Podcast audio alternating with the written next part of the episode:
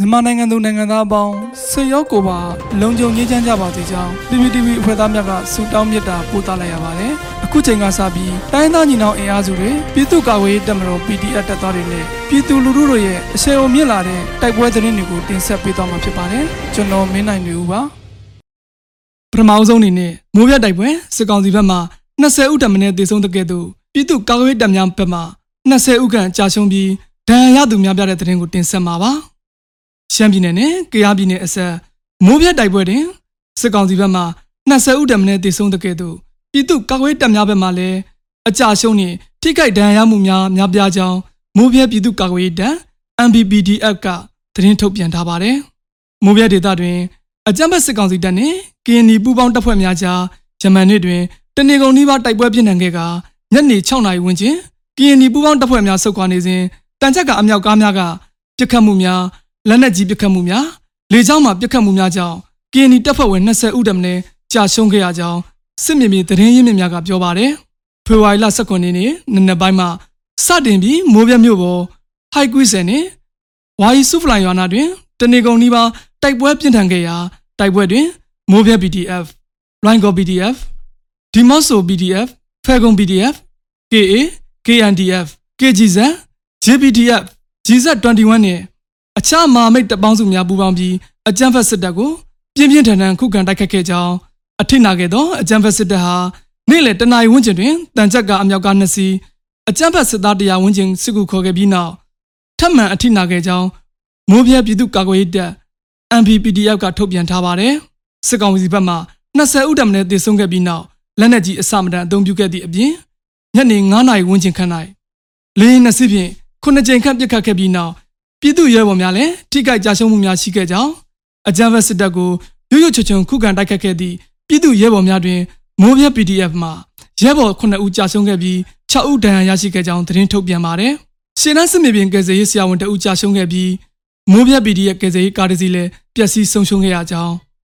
အခြားမဟာမိတ်တပ်ဖွဲ့အချို့မှပြည်သူရဲဘော်များလည်းထိခိုက်ကြရှုံးမှုများရှိခဲ့ကြောင်းသတင်းထုတ်ပြန်ထားပါတယ်။ Line Copy PDF ရဲ့ထုတ်ပြန်ချက်တွင်လည်းစစ်တပ်ဘက်မှကြာရှုံးမှုအလွန်များပြားတဲ့ကဲ့သို့ ပြည်သူ့ကာကွယ်ရေးတပ်မှရဲဘော်များလည်းကြာရှုံးမှုများရှိခဲ့ကြောင်းယနေ့နနက်ခင်းအချိန်တွင်လည်းဝါယီစုဖလိုင်ယာတွင်တိုက်ပွဲများပြင်းထန်စွာဖြစ်ပွားဆဲဖြစ်ကြောင်းသတင်းထုတ်ပြန်ထားပါတယ်။ KG ဇက်ကလည်း၎င်းတို့တပ်သားများအသင့်အနေထားဖြင့်ဖေဖော်ဝါရီလ18ရက်နေ့မိုးပြတိုက်ပွဲတွင်ဝင်ရောက်တိုက်ခိုက်ရာစစ်ကောင်စီတပ်သား12ဦးသေဆုံးပြီး9ဦးခန့်ဒဏ်ရာရရှိခဲ့သဖြင့်စစ်ကောင်စီဘက်မှလက်နက်ကြီးအလွန်အကျွံသုံးလာကြောင်း KG ဇက်တပ်သားများပြန်လည်ဆုတ်ခွာခဲ့ရာလက်နက်ကြီးထိမှန်သူ2ဦးရှိပြီး စေကန်းရှိရာသို့ပို့ဆောင်ခဲ့ကြောင်းထုတ်ပြန်ထားတာပါ။ယနေ့နေ့နဲ့10နာရီကျော်တွင်စစ်ကောင်စီတပ်နှင့် KNY ပူးပေါင်းတပ်ဖွဲ့များကြားပြစ်ခတ်မှုများစတင်ဖြစ်ပွားနေကြောင်းသိရှိရပါတယ်။ဂျမန်နေ့ဖေဖော်ဝါရီလ19ရက်နေ့တွင်အကြမ်းဖက်စစ်ကောင်စီမှပြစ်ခတ်သောလက်နက်ကြီးကြီးများဝါယီစုဖလိုင်ကျွာအတွင်းသို့ကြားရောက်ပောက်ကွဲပြီးနေအိမ်တစ်လုံးမီးလောင်ပျက်စီးကဒေသခံတအုပ်အသက်ဆုံးရှုံးခဲ့ရပါတယ်။အဆိုပါတိုက်ပွဲအတွင်းအကြမ်းဖက်စစ်ကောင်စီဘက်မှလည်းတန်ချက်ကအမြောက်ကနှစ်စီးပျက်စီးသွားကြောင်း စစ်သားတည်ဆုံမှုများပြားကြောင်းအရေးအတွက်ကိုအတိမပြုတ်နိုင်သေးကြောင်း KNY ပူးပေါင်းတပ်ဖွဲ့ထံမှသိရှိရပါတယ်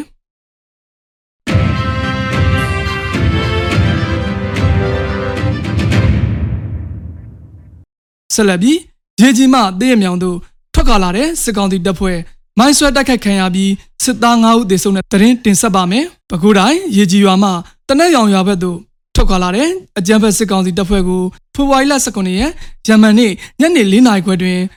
Phoenix DF နတ်တလင်း PDF ကမိုင်းဆွဲတိုက်ခိုက်ရာစစ်သား9ဦးသေဆုံးသွားကြောင်းသတင်းရရှိပါရယ်။မိုင်းဆွဲတိုက်ခိုက်ခံရသည့်နေရာတွင်စစ်သားအလောင်း2လောင်းကျန်ရစ်ခဲ့ပြီး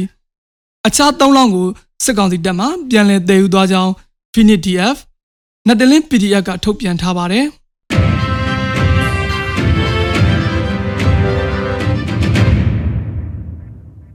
နောက်ဆုံးအနေနဲ့အမျိုးသားညီညွတ်ရေးအစိုးရပြည်ထရေးနှင့်လူဝင်မှုကြီးကြပ်ရေးဝန်ကြီးဌာနက2022ခုဖေဖော်ဝါရီလ18ရက်ရက်စွဲနဲ့ထုတ်ပြန်တဲ့ပြည်သူ့ခုခံတော်လှန်စစ်တရင်အချက်လက်တွေကိုတင်ဆက်ပေးသွားမှာပါ။အာဏာသိမ်းအကြမ်းဖက်စစ်အုပ်စု၏ပြည်သူလူထုအပေါ်အကြမ်းဖက်ဖိနှိပ်ဖမ်းဆီးတိုက်ခတ်တပ်ဖြတ်နေမှုများကိုပြည်သူလူထုတရက်လုံးကအသက်ရှင်သန်ရေးအတွက်မိမိကိုယ်ကိုမိမိခုခံကာကွယ်ပိုင်ခွင့်အရာပြည်သူခုခံစစ် People Defensive War ကိုဆင်နွှဲလျက်ရှိပါတယ်။တရင်အချက်လက်များအရ 19ရက်2လ2022ရက်နေ့တွင်စစ်ကောင်စီတပ်ဖွဲ့ဝင်53ဦးသေဆုံးပြီးထိခိုက်ဒဏ်ရာရရှိသူ10ဦးအထိခုခံတိုက်ခိုက်နိုင်ခဲ့ပါတယ်စစ်အာဏာရှင်စနစ်မြမအမျိုးပေါ်မှာအပြစ်တိုင်ချုပ်ငြိမ်းနေဖက်ဒရယ်ဒီမိုကရေစီတည်ဆောက်ရေးအတွက်ငြိမ်းချမ်းစွာဆန္ဒပြသည့်လူမှုတပိတ်တိုက်ပွဲများကပြည်내နှင့်တိုင်းဒေသကြီးများမှာဖြစ်ပွားပေါ်ပေါက်လျက်ရှိပါတယ်။မြေပြင်မှာယခုတွေ့ရှိရတဲ့သတင်းအချက်အလက်များတဲ့ပို၍ဖြစ်ပွားနိုင်ပါတယ်ခင်ဗျာ။